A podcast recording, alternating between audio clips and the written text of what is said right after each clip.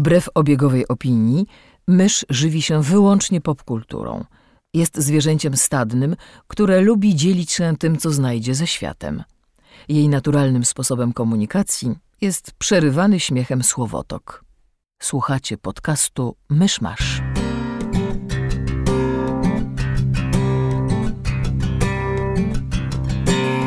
Gospodarzami podcastu Myszmasz są Krzysiek Seran, redaktor portalu Avalon.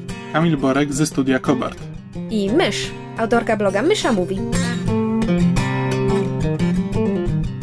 E, To pozwólcie mi powitać Was wszystkich serdecznie na pierwszym panelu na Kopernikonie. To jest mój pierwszy Kopernikon, to jest moja pierwsza prelekcja, więc już mi się język wlącze i tak to będzie dalej przez następne 45 minut.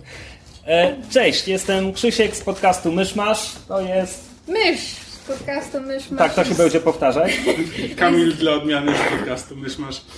Tak, i e, między nami trojgiem mamy jakieś prawie 30 lat doświadczenia w tłumaczeniu.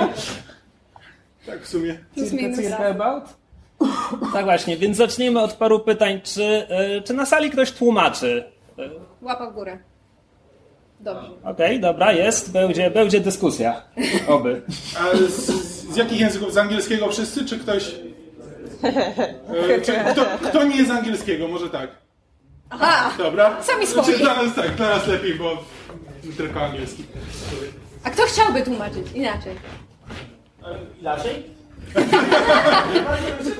W domyśle lepiej. Ideowi 3,5 ostatnio zobaczę. Ja się nie zgadzam. Dobrze. E, to może od razu zastrzeżemy, że ponieważ pracujemy dla e, różnych firm, w tym m.in. dla Netflixa, e, mamy podpisane różne tajne, przespółufne umowy, w związku z tym są rzeczy, których nie możemy wam powiedzieć, because if we did, we'd have to kill you. E, w związku z tym nie możemy odpowiadać na żadne konkretne, nie wiem, pytania pod tytułem e, na przykład garze, albo jak, wygląda, e, jak wyglądają konkrety procesu dla, dla konkretnych firm, no bo wiadomo, że to są jakieś tam tajne firmowe e, receptury. Ja nie wiem, ja nie przeczytałem tej umowy, którą podpisałem, liczę na was. To jak ten, e, klikanie tak pod Terms and Agreement w internecie. tak. Ja przeczytałem, nie zrozumiałem i po prostu... Tak. Więc będziemy mówili angielsku. ogólnikach. E, tak, była po angielsku, no. Nie będę płacił za tłumacza, no. Dałem studentowi, żeby mi przetłumaczył. Wyszło mi coś z Google'a, no i nie wiem właściwie, co ja tam podpisałem. Apple mnie wytresował. Przewijam na koniec, podpisuję. Tak, cyroga. Dobra, to może zacznijmy właściwie od tego, od właśnie od naszego doświadczenia, czemu właściwie tutaj stoimy i czemu nam się wydaje, że możemy mówić cokolwiek o tłumaczeniach. Eee, czy chcesz zacząć? Rzućmy go pod pociąg. Oddali nam salę. E, to znaczy, ja robię tłumaczenia e, w tym momencie również dla Netflixa, ale tylko dla ich talk showu Chelsea Handler. E, to są napisy. E, wcześniej, prawie 10 lat, tłumaczyłem listy dialogowe dla lektora dla polskiej telewizji. E, I tam jakieś drobnostki dla DVD i tego typu. A moi koledzy mogą pochwalić się takimi różnymi geekowymi rzeczami, które tłumaczyli. Ja przez ostatnią dekadę robię głównie dokumenty o kanadyjskich drwalach, którzy rzeźbią w drewnie piłą mechaniczną. E, albo fascynujący serial o tym, jak ludzie kupują przyczepy kempingowe. Także tak. E, Natomiast, e, natomiast robiłem też trochę filmów dla, dla kablówki, więc tam, nie wiem, Wściekłego Byka tłumaczyłem, Rockiego, Kino Najwyższej Półki, e, Krwiożercze Klauny z Kosmosu. To jest zawsze dobra zabawa, zwłaszcza, że e, po przetłumaczeniu filmu, ponieważ siedzisz nad tym tekstem, przerabiasz te zdania po parę razy i tak dalej, e, to się, to się wrzyna w głowę, więc ja mam 8 lat później wciąż mogę cytować Krwiożercze Klauny. E, rzadko spotykana umiejętność, e, rzadko znajduje zastosowanie. Więc nie wiem, czy geekowskie dzieła sztuki to jest em, dobre podsumowanie. Ja na przykład tłumaczyłam takie fenomeny em, światowej kinematografii jak em, Uniwersalny Żołnierz 3 Regeneracja z Jean-Claude Van Damme. Klasyka gatunku. Tak, albo Street Fighter, legenda Chun-Li. Czekaj, to był ten sequel na DVD? Tak, to był ten sequel straight to DVD. Jestem z tego dzieła bardzo dumna. E, Poza tym tłumaczyłam sporo odcinków serialu dokumentalnego o II wojnie światowej, kompletnie się na niej nie znając, w związku z tym dzięki Bogu za konsultantów, e, których bardzo często przy tego typu pracach powinno się mieć, co niekoniecznie oznacza, że zawsze się ma do nich dostęp. Zaraz Taka wy- jest smutna prawda. Wy dostajecie konsultantów? Znaczy nie, nie w tej pracy, o której myślisz, to mówię Okej. o zupełnie innej pracy. A ostatnio specjalizuję się w koreańskich dramach, nie znając ani słowa koreańskiego, e, serialach animowanych dla dzieci i młodzieży oraz w brytyjskich kryminałach. Ja z kolei tak tłumaczę mniej więcej od 14 roku życia, bo zaglądając tacie przez ramię e, tłumaczyłem, tłumaczyłem kreskówkę Spidermana, ale, z, ale potem, potem jakby to się rozwinęło tam w kolejne, kolejne projekty, tłumaczyłem przez długie lata filmy dokumentalne o najróżniejszych dziwnych rzeczach i o, o broni, o wojnach i starożytnych cywilizacjach. E, Do niedawna moje magnum opus to, było, e, to były Wojownicze Żółwie Ninja. Które film, do dzisiaj można oglądać Tak. czasem w telewizji. film pełnometrażowy dla TVP1, dubbing. E, więc to jak dostałem, to, to, to mało się ze szczęścia, nieważne czego nie zrobiłem. Czekaj, ale to trzeba sprecyzować. Chodzi o animację komputerową. Że PMMD. Nie, nie, nie, nie, nie. To, błagam, nie wspominaj mi przy mnie o tym filmie. E, no i teraz w, ostat- w ostatnich czasach, w ostatnich czasach tłumaczę dla Netflixa, jakby w, e, miałem okazję tłumaczyć e, Arrowa, ostatnio ten Star Treka i jeszcze parę, parę różnych innych seriali. Tak, więc największy geek Cred ma Kamil w tym momencie z nas wszystkich. Zupełnie przypadkiem. Tak. No i to tyle, dziękujemy do widzenia. No my się już pochwaliliśmy. E, Tak, dobrze, może zacznijmy od tego, co nam bardzo ułatwi pracę, to znaczy, czy są jakieś pytania z publiczności, czy ktoś ma jakieś niecierpiące zwłoki sprawy, o których chciałby zapytać tłumacza, który rzeczywiście tłumaczy. Ja mam. Wiedziałam, że na ciebie można liczyć, Paweł. Ja jestem y, zapasowym, backupowym pytaczem. Jeżeli są jakieś za mną, których nie widzę, to zadawajcie. Ja mogę wam pomóc. Ktoś coś, czy mamy oddać Pawłowi? Pawle? Staram się być merytoryczny. E, Nie, bo serio, bo w sumie ciekawi mnie to, a nigdy o tym nie rozmawialiśmy jakoś. I e, na przykład e, pytanie, które mi przychodzi pierwsze do głowy. Często jest tak, że jak się ogląda rzeczy z internetu, z zupełnie legalnych źródeł, na przykład ze znanego sklepu internetowego Torrent, Albo chomikuj. albo Homikuj, to są tam tłumaczenia, które są robione przez fanów, fanowskie tłumaczenia. I e, zdarza mi się, że oglądam takie treści w internecie na przykład.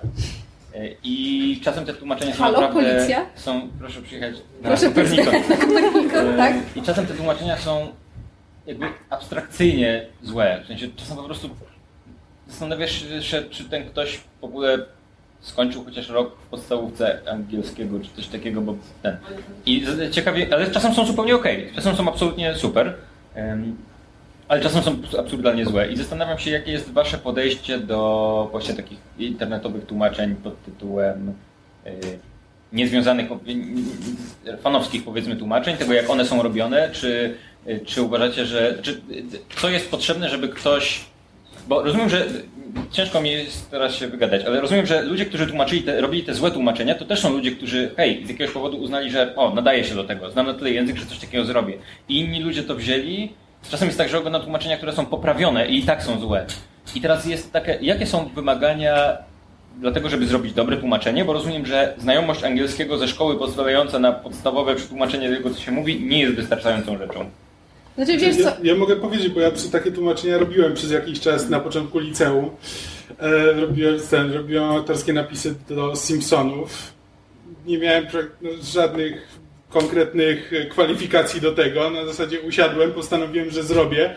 Wysłałem to do jakiegoś serwisu, który takie napisy weźmie dla Simpsonów, po prostu serwisu o Simpsonach i mieli, mieli u siebie napisy, no to pomyślałem, dobra, to podeślę, mają formatkę, to zrobię sobie dla zabawy i podeślę po prostu, bo po prostu mnie to jarało, bo lubiłem tłumaczenie, kochałem Simpsonów, e, więc e, czemu, czemu nie?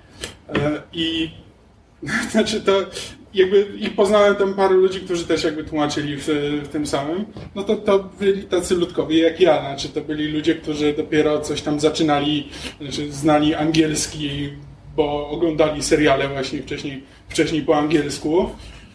E, I znali, znali tak naprawdę no tyle, co tam ze szkoły, ale no nikt nie miał, nikt nie miał jakby formalnej edukacji, znaczy nikt nie, z, nikt nie skończył żadnych studiów, ewentualnie niektórzy dopiero je zaczynali. To, to, były, to byli ludzie e, właśnie bo, bo to kochali i chcieli się nauczyć. To jest, znaczy, to jest świetny sposób, żeby się tego nauczyć.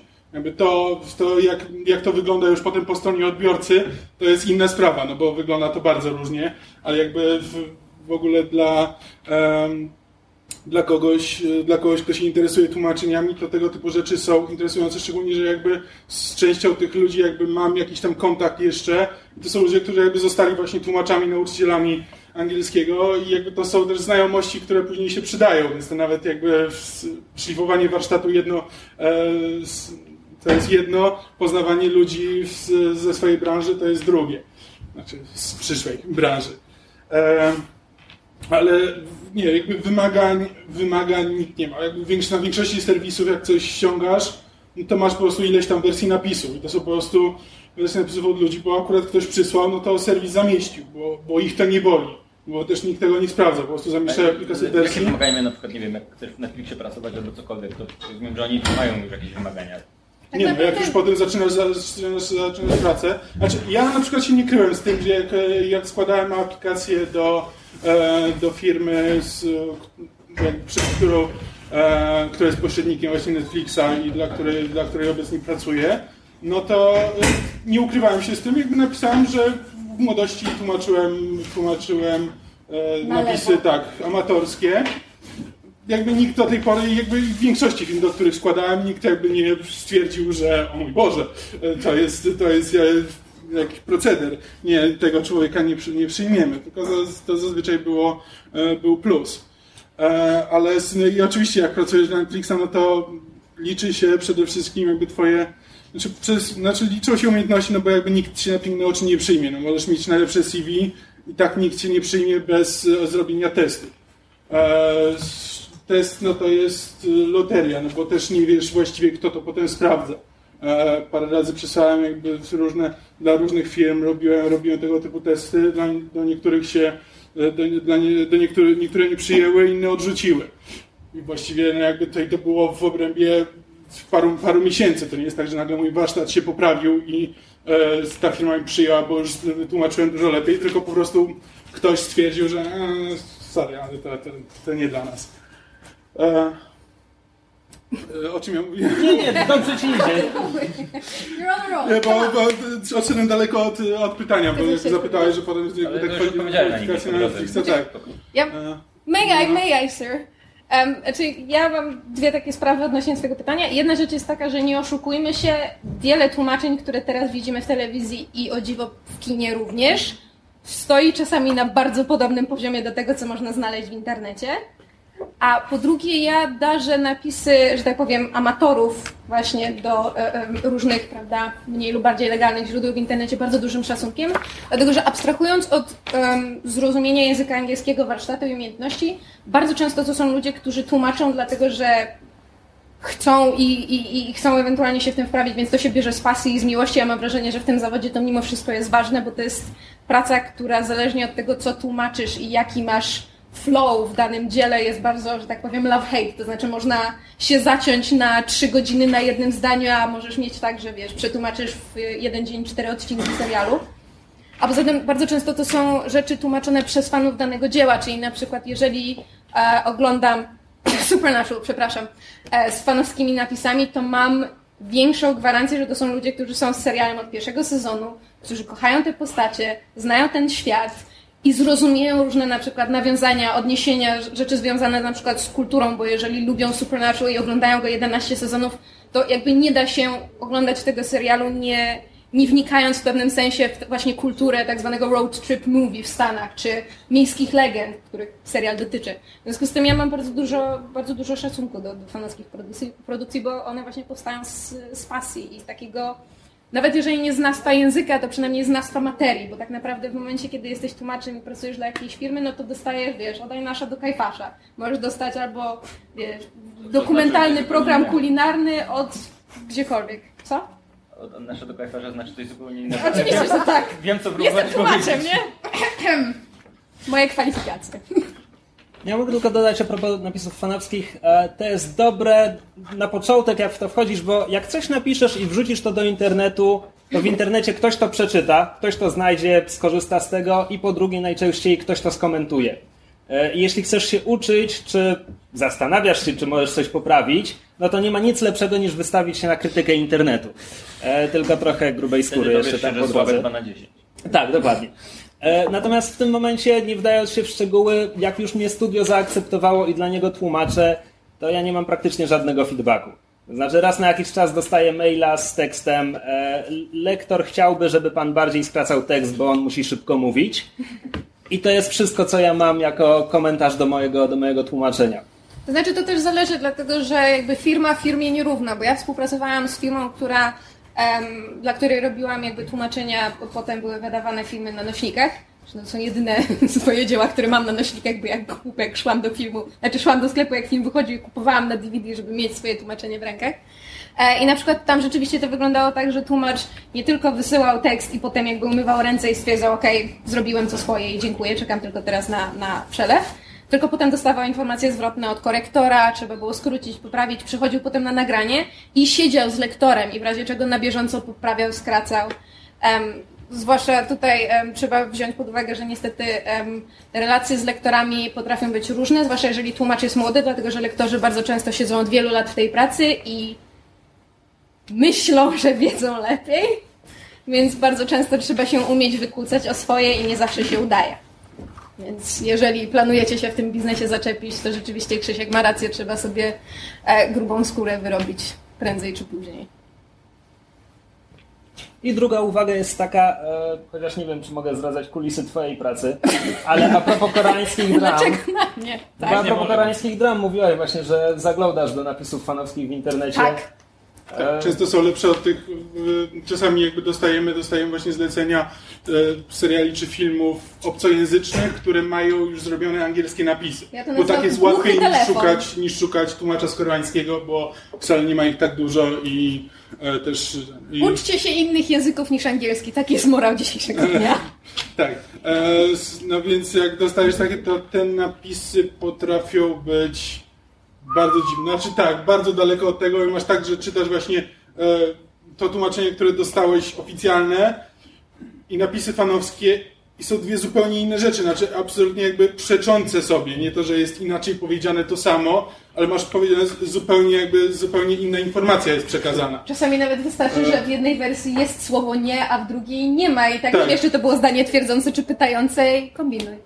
E, tak, więc na to i no i właśnie no i to różnie, no bo możesz to potraktować na zasadzie, że nie moja broszka, zrobię, zrobię co do mnie należy, tak jak dostałem i, i wysyłam. Ewentualnie mysz, jak dostaje takie seriale, to sprawdza praktycznie cały z, y, z tekstem też fanowskim, żeby móc porównać, stwierdzić, co lepiej leży w kontekście. Zazwyczaj ufam, ufam jakby intuicji, jeśli coś mi dziwnie brzmi na przykład uważam, że to zdanie w tym kontekście jest bez sensu, to sprawdzam, sprawdzam wtedy w, właśnie w jakimś innym tłumaczeniu, w tłumaczeniu fanowskim, co właściwie powiedział i e, no, czasami biorę na przykład dwa tłumaczenia tego zdania i zobaczyć, no, jak już mam trzy, no to jeśli dwa z trzech mówią jedno, a to, a to trzecie co innego, no to ufam, że e, po prostu ufam demokrację i e, i Wiecie, robię po prostu ja tak, no i po prostu i biorę na siebie to ryzyko, że być może to będzie źle, no bo być może po prostu było dwóch fanów, którzy kompletnie nie, nie znają języka i zrobili to, zrobili to źle, a tak naprawdę to oryginalne było, ale jeśli wydaje mi się, że no tutaj po prostu to zdanie nie pasuje, no to biorę po prostu to na intuicję i, i zmieniam to. E, No i, i też na, to, co, to, co już powiedziała, że no, to, jeśli mamy tłumaczenia fanowskie, no to robią to ludzie, którzy kochają te seriale, co jakby niekoniecznie w branży jest standardem, no bo dostajesz to, co dostajesz, masz różnych, masz różnych tłumaczy, często jeśli masz wydania DVD czy, czy VOD, gdzie tak jak na Netflixie leci cały sezon naraz, e, albo na DVD też się wypuszcza po prostu cały sezon i trzeba zrobić do tego tłumaczenie. Nie można tego dać jednemu autorowi po to, żeby robił kilka tygodni, no bo deadline jest na przykład na za tydzień, więc trzeba znaleźć kilku tłumaczy, którzy równolegle tłumaczą kilka odcinków. Zazwyczaj jest jedna osoba, która to później jakby ogląda i stara się tak, sprawdza i dopasowuje jakby tak, żeby to było e, żeby jakby terminologia była ta sama, żeby sprawdzić, czy jakby od odcinka do odcinka e, jakby to zachowuje styl i merytorykę, spójność, tak. E, no i też e, na przykład ja jak współpracuję z, zazwyczaj z jakąś koordynatorką, no to i mówię, że o, Star Trek, no to super, biorę w ciemno, e, ile tylko, ile tylko mogę. E, no to ona wie, że jakby podrzuca mi właśnie tego typu geekowskie produkcje, więc i jakby nawiązujesz jakiś kontakt z osobą, która ci to zleca i zazwyczaj dostajesz to, co, znaczy, jeśli jest taka możliwość, to dostajesz to, co lubisz. No ale czasami dostajesz też właśnie koreańskie dramy, o których pierwszy raz słyszysz i dostajesz środkowy odcinek i kompletnie nie rozumiesz, bo koreańskie dramy w dodatku nie mają żadnego streszczenia w poprzednim odcinku tylko po prostu cię wrzucają w sam środek akcji i weź się domyśl, co tam się działo wcześniej, no tak, a działo się bardzo dużo. In, inny kontekst kulturowy, więc jeżeli się nie siedzi w tej tematyce i nie ogląda koreańskich dram, no to po prostu człowiek trafia w sam środek lasu i nie wie, w którą stronę się nawet obrócić.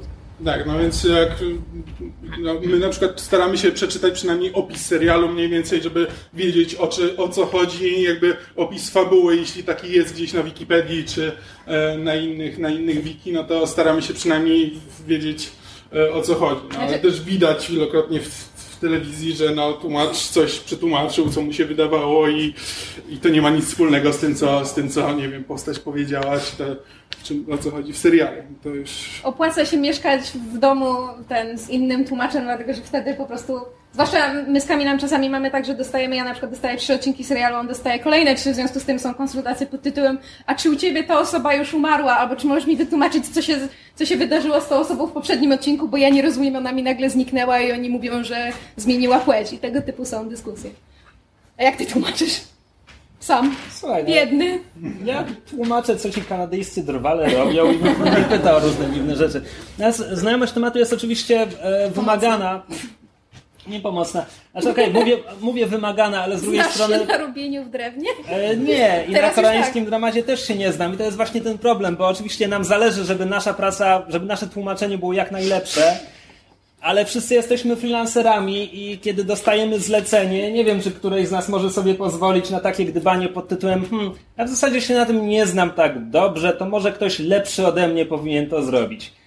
Nie, dają pieniądze, więc co, ja nie zrobię? Ja nie zrobię? Pewnie, że zrobię. E, I oczywiście w tym momencie, kiedy mamy internet, to jest pierwsze i najważniejsze narzędzie. E, Google Translate. Okej, okay, nie, nie, nie. E, ale Wikipedia. Wikipedia wszystkie zwierzętami tłumaczy, bo tam mam od razu łacińską nazwę, przez łacinę dochodzę do polskiej i jest idealnie. Gorzej jak nie ma polskiej nazwy gatunkowej, bo lektor nie przeczyta, że tam coś się nazywa cunctatus puntatis i nie wiem, co, nie wiem, co wtedy robić. E, drugim bardzo dobrym narzędziem są ludzie. To znaczy po prostu znajomi, rodzina, którzy mają różne zainteresowania, których można pytać, po prostu pytać, pytać, pytać. Mój ojciec żegluje i cokolwiek mam, co tylko unosi się na wodzie, to lecę do niego z pytaniami. Kaczka. Natomiast e, jak mówisz, jak mówisz o koreańskich dramatach, że loadujesz w środku, nie wiesz kto ma jaką płeć i tak dalej, to mi przypomina z jakiegoś powodu e, powieści z Expanded Universe Gwiezdnych Wojen. Nie, bo uważaj, bo tam jest, tam jest od cholery postaci, które były wprowadzane często już nie w filmach, tylko właśnie autor A wprowadził ją w książce Y, a potem postać wraca, żeby powiedzieć dwa zdania w powieści Z. E, I kojarzę przypadek właśnie, gdzie pojawia się, jest kosmi e, postać e, z nieludzkiego gatunku, nazywa się Nawara Wen albo Nawara Wen i wypowiada w powieści, nie wiem, dwa zdania na trzech stronach i narracja ani razu nie odnosi się do płci tej postaci. Hmm. No to imię kończy się na A, postać zrobił z niego kobietę. E, co, a, e, tłumacz, tłumacz, tak. We're so good at our jobs. Wstałem o 5 rano, nie męcz mnie. E, I w tym momencie oczywiście mamy internet. W wypadku Gwiezdnych Wojen mamy absurdalnie ogromną Wikipedię, która nie wiem, czy jest już większa od Wikipedii, ale nie zdziwię się. Z drugiej strony Wikipedia ma artykuł o kostiumie Batmana dłuższy od artykułu o Marii Curie Skłodowskiej, więc internet. No ale tak, jakby znajomość tematu, nawet jeśli nawet jeśli nie wiemy, co dostajemy, tłumacz ma obowiązek zapoznać się, choćby pobieżnie. E, w tym momencie jest historia tego, tego książka o historii Gwiezdnych Wojen zeszłoroczna, jak to się nazywało? Gwiezdne Wojny jak podbił Wszechświat. No tak, no więc tam mamy przetłumaczony Order 66 jako zakon 66, tak?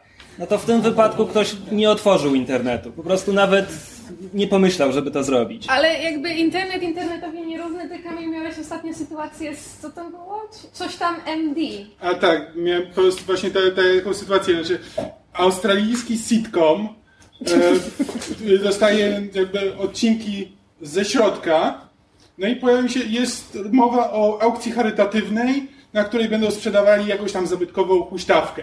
I jedna osoba szefowa mówi swojemu podwładnemu, że e, Jonathan DMD wants it for his children. E, no i mam Jonathan DMD. Postać, która jakby nie pojawiła mi się w tym serialu, nie pojawia, nie pojawia się do, s- do jej końca, znaczy jest ten facet, ale nie mówi nawet ani słowa. No i, no i mam Jonathan, Jonathan DMD. No to nie wiem, jakby ktoś z was przetłumaczył. A to jest DMD, czyli DMD? E, Nie, V, MD. No to jest medical doctor. no właśnie, turns No, out, no, i, no tak, no i kto jest na aukcjach charytatywnych? No bogaci doktorzy i tego typu rzeczy. No to doktor Jonathan chce to dla swoich dzieci, bla bla bla. No i na- nawet sprawdziłem tę postać jakby w Wikipedii, ale nie serial nie jest na tyle popularny, żeby jakby wchodzić, szczególnie po prostu pojawia się, że jest tam jakiś Jonathan. E, no i, no i, i dopiero w ostatnim odcinku z tej puli, którą dostałem, pojawia się rzeczywiście ten, ten Jonathan. I to jest dyrektor, to jest the managing director. No i teraz jakbym nie miał tego odcinka, albo nie, nie sprawdził tego, nie znalazł tego gdzieś w końcu, no to bym puścił ogromnego babola, no bo zupełnie, zupełnie jakaś postać, e, ktoś kto ogląda ten serial, no to sobie pomyśli, co za debil to tłumaczył. No bo, no bo jakiś debil to tłumaczył i nawet nie zna postaci w tym serialu. Tak, i niestety babole się zdarzają, to znaczy ja jestem w stanie znaleźć na Netflixie seriale z moimi babolami. U, chcemy się chwalić? Nie, ale ale żeby było śmieszniej, słuchajcie, bo jeszcze kiedy, kiedy zaczynałam pracę dla Netflixa, to miałam czas i chęć sprawdzać jeszcze raz swoje, swoje że tak powiem, e, tłumaczenie pod tytułem czy aby na pewno się nie walnęłam, bo wiecie, obsessive compulsive tak mają. Teraz już nie mam czasu, bo za dużo tłumaczę, żeby wracać i sprawdzać. Ale się okazuje, że tam trafiły nie tylko moje błędy, ale też błędy osoby, która sprawdzała po mnie. Więc to nie jest tak, że że tak powiem, tłumacz jest nieomylny, że osoba, która potem sprawdza jest nieomylna, że koordynator jest nieomylny. Wszyscy popełniają błędy i niestety tak to jest, że praca, praca ma miejsce etapami. W związku z tym na którymś etapie, w momencie kiedy prawda, film, czy serial, czy odcinek, nieważne, przechodzi przez ileś osób, na którymś etapie bardzo często może się komuś powinąć noga. I to jakby nie jest niczyja wina, tylko no, niestety tak się dzieje. Co nie zmienia faktu, że niektóre filmy i tłumaczenia, które trafiają do polskich kin, to jest Ale zacznie, zanim zaczniemy narzekać na innych, to ja się przyznam jednak do jednego babola, bo wydaje mi się całkiem zabawny. Tłumaczyłem kiedyś film po polski tytuł Obywatel Wells, oryginalny RKO 281, o tym jak Orson Welles kręcił obywatela Keina. E, To, było, to była lista dialogowa dla lektora i wtedy dość wyjątkowo zostałem zaproszony na nagranie, żeby jako tłumacz brać jeszcze udział, słuchać lektora i tam na bieżąco jeszcze może coś poprawimy i tak dalej. I faktycznie tam z raz czy dwa jakieś nieskładne zdania poprawiliśmy, lektor miał jakieś uwagi, to na bieżąco coś wymyśliłem, wszystko było dobrze. W pewnym momencie Wells rozmawia ze swoim producentem, wymyślają tytuł. I tam wymyślają, co to może być, tam przedstawiciel Kane, czy coś tam, coś tam. No i w końcu wpadają na to. Jest ten obywatel Kane. I producent mówi, tak, tak, to mi się podoba, słuchaj. C i Z dobrze wyglądają na plakacie. C i Z w tytule Obywatel Kane nie ma. Ja to napisałem, lektor to przeczytał, dźwiękowiec tego wysłuchał. I jeszcze a propos tego, jak tłumaczenie zostaje z człowiekiem. Cztery miesiące później, nie wiem, zmywałem naczynia, cokolwiek. Nagle po prostu taka myśl. facepalm. Tych liter tam nie ma.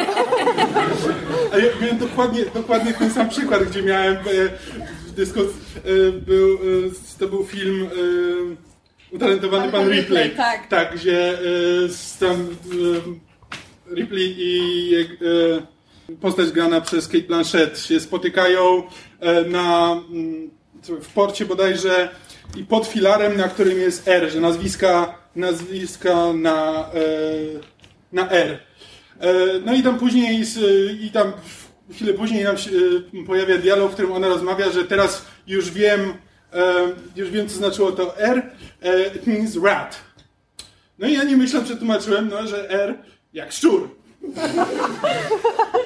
I dwa razy sprawdzałem ten film, dopiero za drugim razem do mnie dotarło, co, e, co, właściwie, co właściwie napisałem.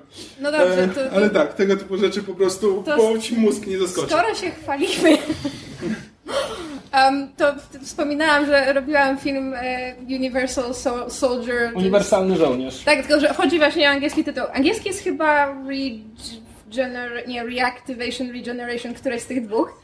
I ja niewiele myśląc wpisałam to hasło w Wikipedię, żeby, tak a propos Wikipedii, żeby zobaczyć jakie jest polskie tłumaczenie tytułu. No i dostałam słowo w słowo uniwersalny żołnierz, tam powiedzmy regeneracja.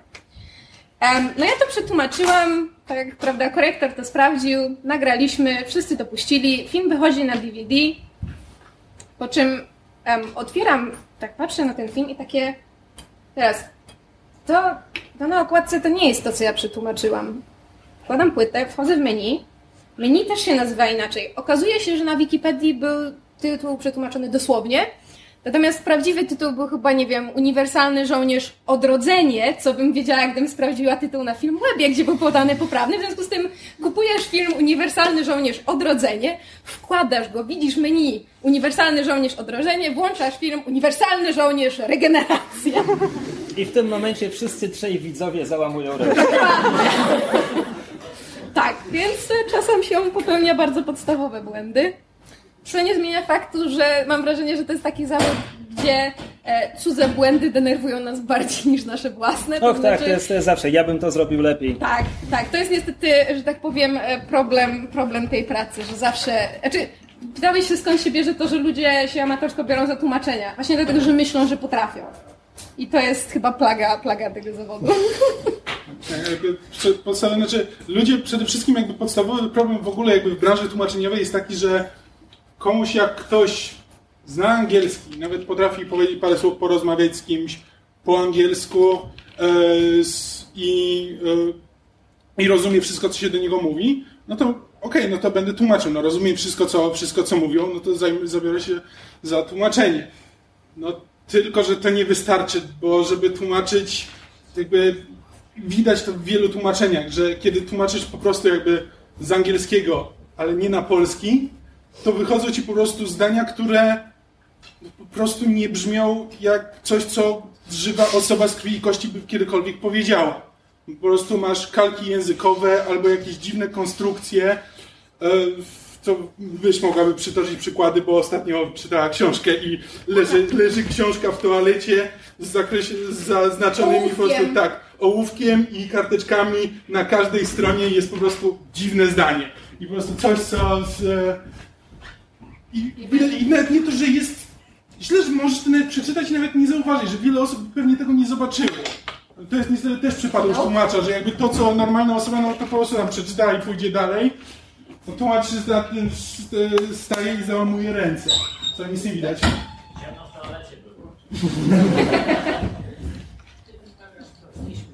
Natomiast skoro mamy przerwę techniczną, to ja może w ramach wtrącenia a propos tego tytułu Uniwersalnego Żołnierza.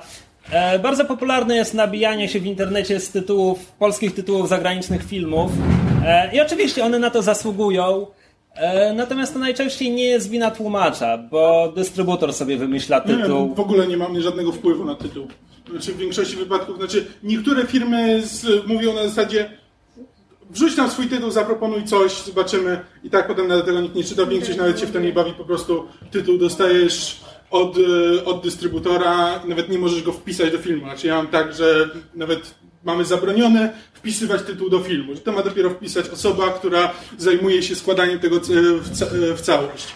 Bo ona będzie wiedziała, jaki jest ten tytuł, tak żeby potem nie było właśnie e, innego tytułu na pudełku innego Przykład kwiatka z tej książki, którą teraz czytam w polskim tłumaczeniu. Ponownie macie polskie tłumaczenie, poprawia angielski oryginał. Abstrahując od literówek, którymi książka jest naćkana, no to macie na przykład, prawda, imigrant przetłumaczona na emigrantkę. Tak, albo o, to jest, to jest piękne, gdzie tłumacz nie zrozumiał kontekstu, bo po angielsku jest he neared the head, mowa jest o patologu, który bada ciało. He neared the head, bent and pushed one gloved finger into the mouth. Czyli, że nachylił się nad głową, wsadził łapę do, do, do ust. A po polsku jest zbliżył się do głowy, nagiął ją i włożył palec w rękawiczce do ust ofiary. To nie jest to, co autor miał na myśli. I tego, przykład, tego typu przykładów jest więcej. Niestety mam wrażenie, że pod względem em, tłumaczy em, książek na polskim rynku jest jeszcze gorzej niż wśród tłumaczy filmowych. To znaczy mam wrażenie, że jak czytamy polskie tłumaczenie książki, to o wiele częściej trafiamy na niekoniecznie dobrego Znaczy, niż przy filmach. tak, bo to nawet nie jest, tłumaczenie jest jedna, to że jakby w, wielokrotnie w branży i w mniejszych wydawnictwach, a nawet tych dużych jest często tak, że po prostu no, mam kogoś, kto skończył, nie wiem, anglistykę czy coś, no to on mi to przetłumaczy i zrobi to taniej niż gdybym szukał kogoś na zewnątrz e, i tak to dalej. jest też tak, że na przykład są takie hity, które wiadomo, że się sprzedadzą, no to po co inwestować? Tak, tak, dokładnie. w tłumaczenie? Tak, i masz po prostu i e, albo na przykład bierzesz tłumacza i na przykład, ale już korekta po co? No, tłumacz napisał, no to. Tak, no to puścimy. napisał, no to tak, to się, to się Trzeba to jak puści. najszybciej wydać, żeby się sprzedało. Dokładnie, tak. a Terminy, dwudniowy- wszystko kasa, kasa, kasa.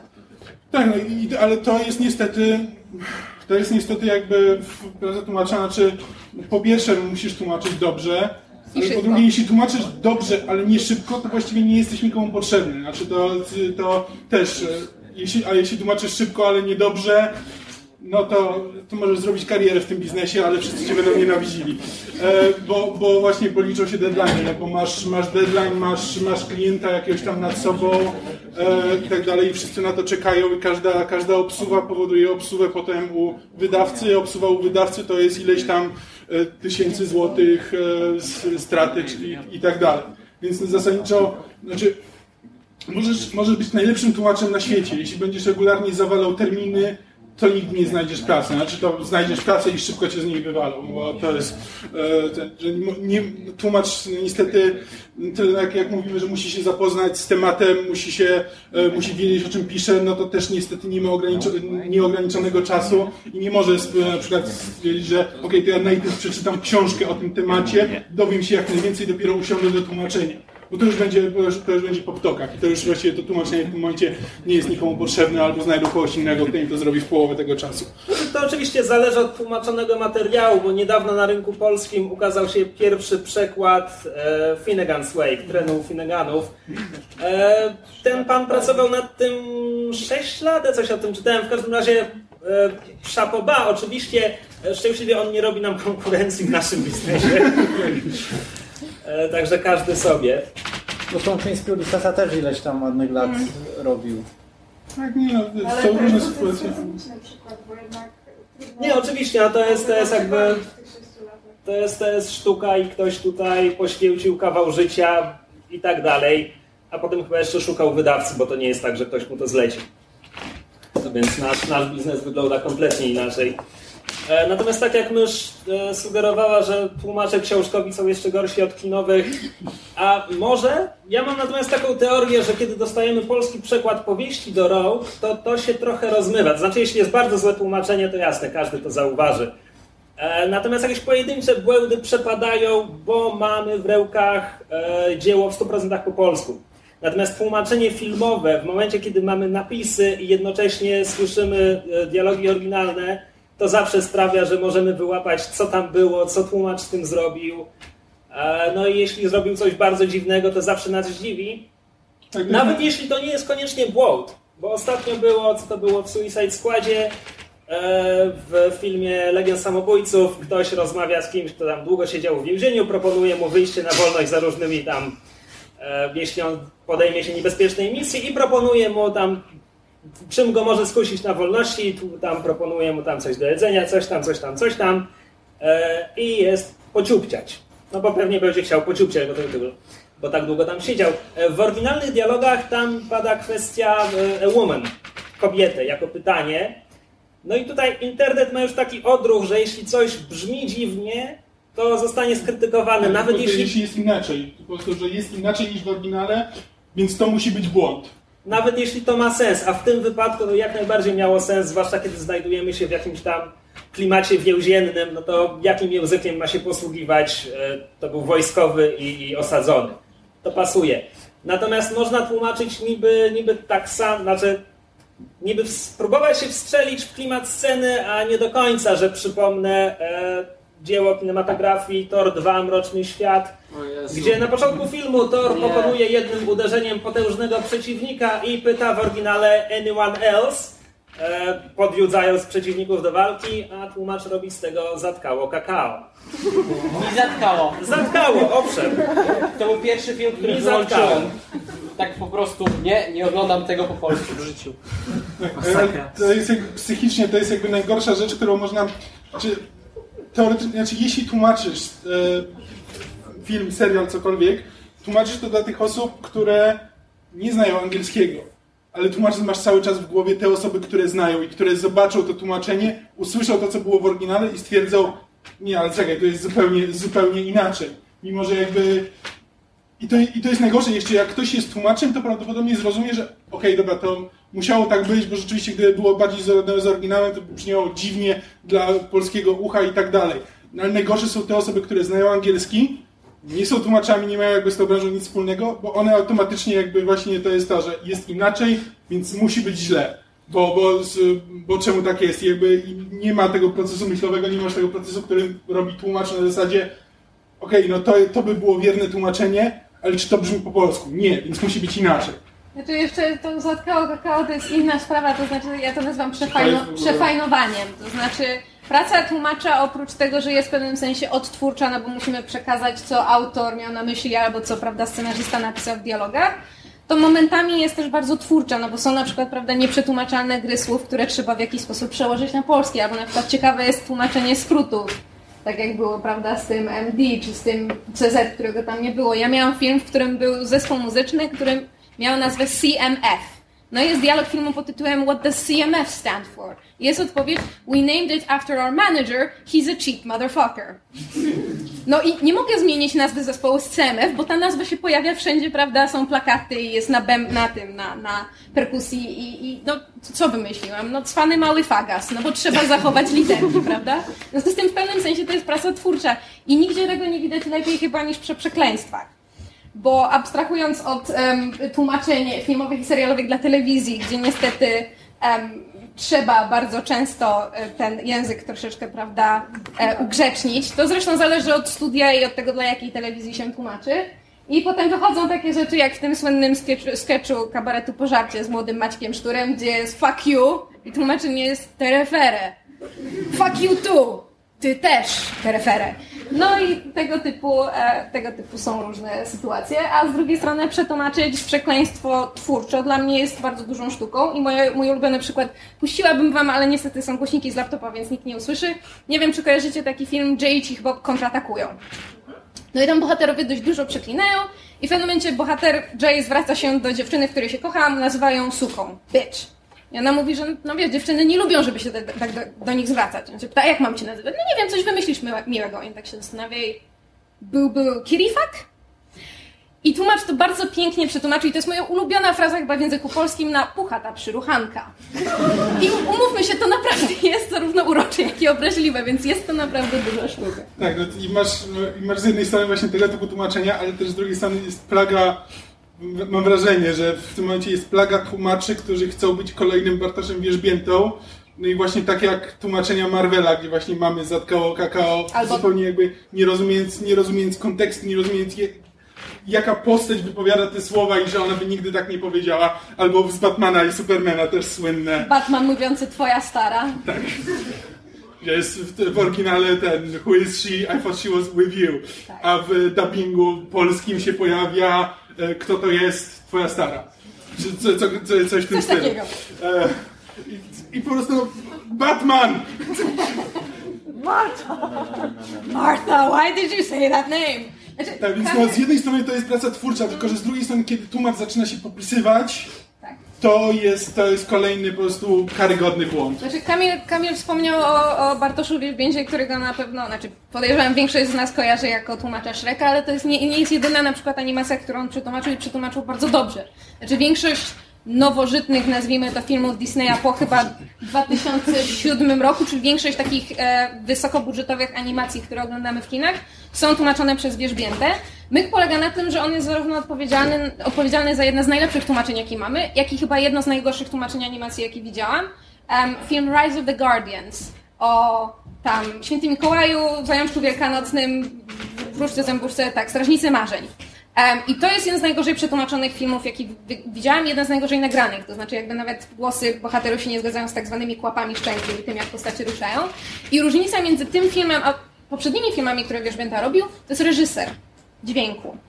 I okazuje się, nie wiem czy wiecie, że praca tłumacza jakby nie kończy się tylko, znaczy jakby tłumaczenie filmu nie kończy się tylko na pracy tłumacza. Jest bardzo wiele osób, które przy tym, e, e, że tak powiem, pracują i, i, biorą w tym udział i od bardzo wielu z nich zależy, jaka będzie jakość tłumaczenia. Więc na przykład przy robieniu dubbingu bardzo istotny jest reżyser dźwięku i osoba, która dobiera głosy, czyli tam casting director.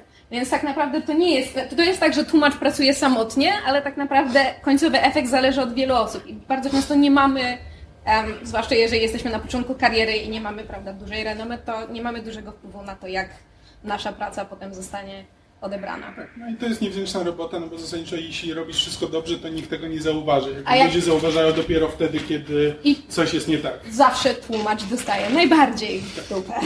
I musi się tłumaczyć. Hence the title. Mua. Dlatego tak się ten zawód nazywa. Tłumacz, bo się tłumaczy. Tak. E, Ch- Chyba, że jest pisane po staropolsku z ukreskowanym, to wtedy jest też...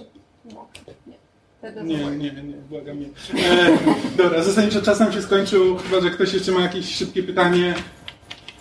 Jeśli nie, to No, bardzo są wam dziękujemy. Zostańcie tłumaczami. Idźcie i tłumaczcie. Go forth and translate. Szysz. Dziękujemy bardzo. Ja mam takie pytanie.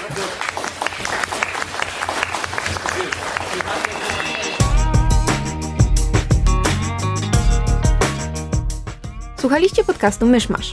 Możecie nas znaleźć na myszmasz.pl lub polubić nasz fanpage na Facebooku. Możecie nam także wysłać maila na myszmaszpodcast.gmail.com Jeśli do nas napiszecie, będziemy szczęśliwi, jak wombat w piżamie.